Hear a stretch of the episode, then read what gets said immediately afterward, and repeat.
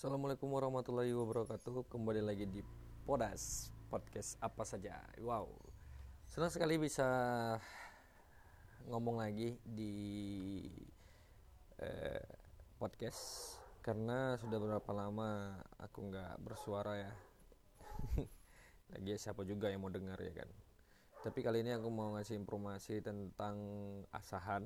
Buat teman-teman yang lagi di asahan atau tinggal di asahan dan sekarang merantau di negeri orang maupun di luar kota. Bahwasanya asahan itu masih seperti yang dulu. Banyak perubahan tapi tidak signifikan karena di masa-masa pandemi ini banyak yang usahanya menurun apalagi dikabarkan nanti akan juga ada eh, apa namanya pembatasan pembatasan keramaian. Seperti itu. Nah termasuk kita nih yang tukang foto nih. Banyak job maju tuh ya. Atau mendapatkan job desk kerja itu dimajuin pestanya. Kebanyakan. Dan di bulan Februari ini yang rata setiap harinya tim keluar untuk kerja. Dan ya sekarang sih lagi musimnya sinematik ya. Sinematik wedding karena sudah pada melek. Masyarakat di Asahan bahwasanya sinematik wedding itu lebih enak dipandang dan juga bisa di share atau disimpan di platform mana pun. Tetapi kalau masalah price itu belum bisa sama seperti di kota besar karena masih beradaptasi dan itu sudah hampir beberapa tahun masih naik sedikit ya. Yang biasanya seharusnya kita yang memakai jasa cinematic wedding itu sudah paham akan alat yang digunakan atau biaya yang dikeluarkan oleh fotografer atau eh, videografer tadi gitu.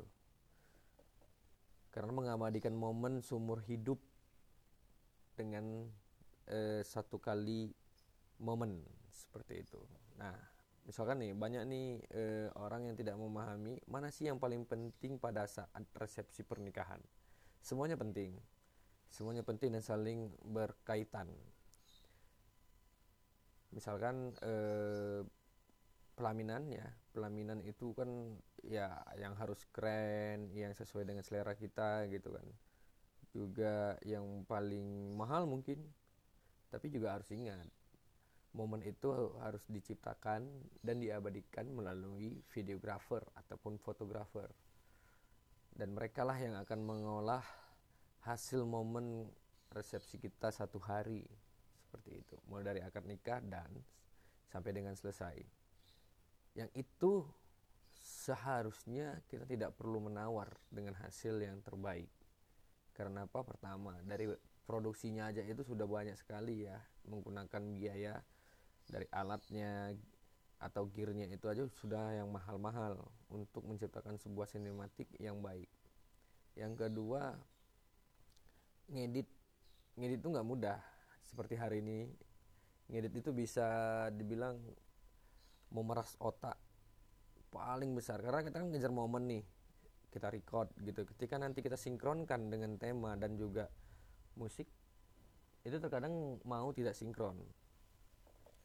Jadi kita harus memutar lagi e, otak untuk temanya itu supaya pas mengepaskan detik video per detik itu yang buat sinematik itu cukup mahal dan untuk ngerindernya aja cukup lama. Jika spek dari PC atau laptop kita itu tidak mumpuni kan gitu.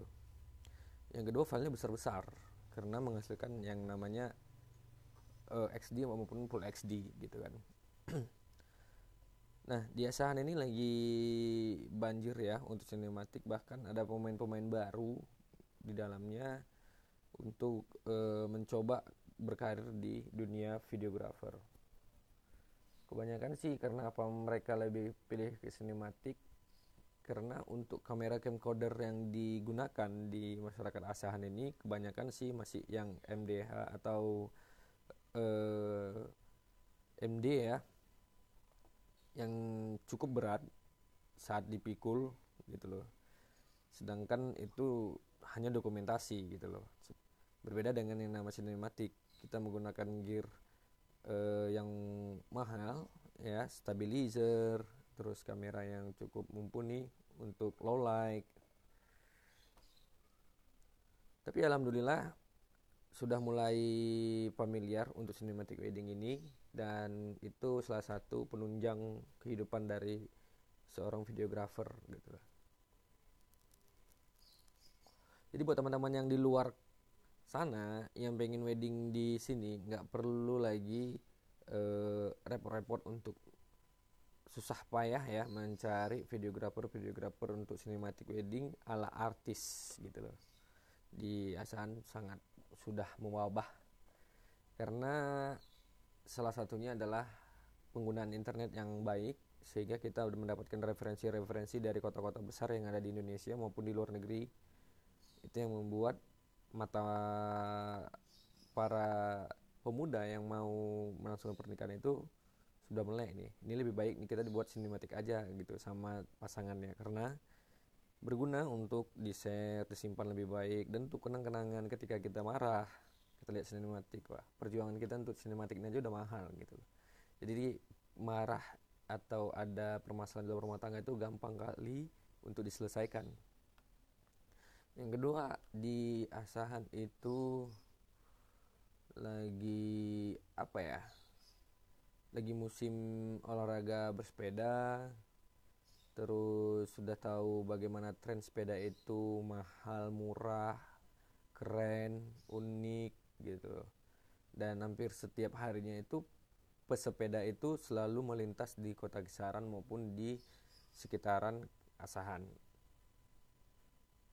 Dan juga yang lagi booming yang ketiga itu adalah warkop nah untuk mengubah warkop ini panjang sebenarnya.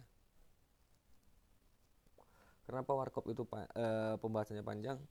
Karena hampir hampir seluruh titik ya atau e, lokasi yang biasanya jarang ramai di zaman-zaman saya dulu SD kali ya SD atau SMP tuh kisaran tuh juga masih sepi yang ada cuma warung nasi goreng terus mie goreng juga apa ya hmm, makanan-makanan biasa lah kan gitu. Sekarang warkop itu mewabah.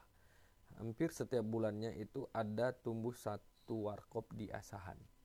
Dan keren-keren. Untuk cita rasa variatif ya. Tergantung sebenarnya kalau dilihat dari trennya ini uh, para pemuda itu menyesuaikan. Beda kelas kalau misalkan di uh, kalangan profesional. Kalau kalangan profesional itu pasti memilih kopi yang benar-benar uh, premium gitu loh. Yang nyaman di lambung enak di tenggorokan dan memang nikmat dirasakan. Tapi kalau para pecinta baru pemula yang dibilangkan masih ikut tren ketimbang kebutuhan asumsi dari eh, apa namanya kafeinnya itu dalam tubuh itu dia tidak mengetahui terus bagaimana dengan lambungnya gitu loh. Ya yang penting murah gitu. Yang penting bisa nongkrong bisa main game ada wifi itu yang paling dicari. Dan banyak sekali warkop-warkop yang menyediakan seperti itu. Semua unsur atau elemen ada. Jadi sehingga para profesional muda atau para pengusahawan anak remaja itu bisa bergabung dalam satu warkop seperti itu. Dan masih punya tradisi ramah tamah di Asahan ini sama seperti dari zaman dulu ya. Warung-warung kopi biasa atau kedai kopi kita bilang masih tetap ramah. Satu meja dengan meja yang lain itu masih bisa berkomunikasi ketika kenal gitu. Menambah pertemanan menambah uh, jaringan usaha seperti itu. Memang kalau notabene sih dibilangkan para pemuda-pemuda dulu di zaman eh, apa ya penjajahan dulu juga bagaimana merumuskannya yaitu di, di, di sembari dibarengi dengan kopi atau nongkrong di kedai-kedai kopi di zaman itu gitu loh. Karena memang ya kopi itu kalau aku singkatkan ya memang ketika otak perlu inspirasi. Dan saat ini omset di warung kopi itu sangat luar biasa.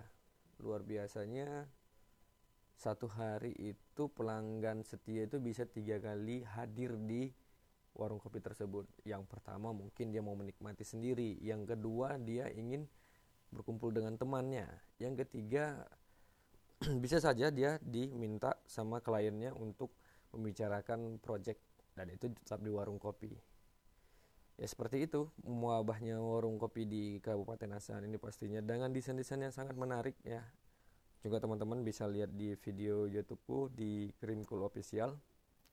Itu juga ada salah satu warung kopi yang eh, dibilang dia adalah seorang karyawan sukses yang keluar negeri selalu tapi akhirnya dia resign untuk membuat usaha warung kopi di kampungnya.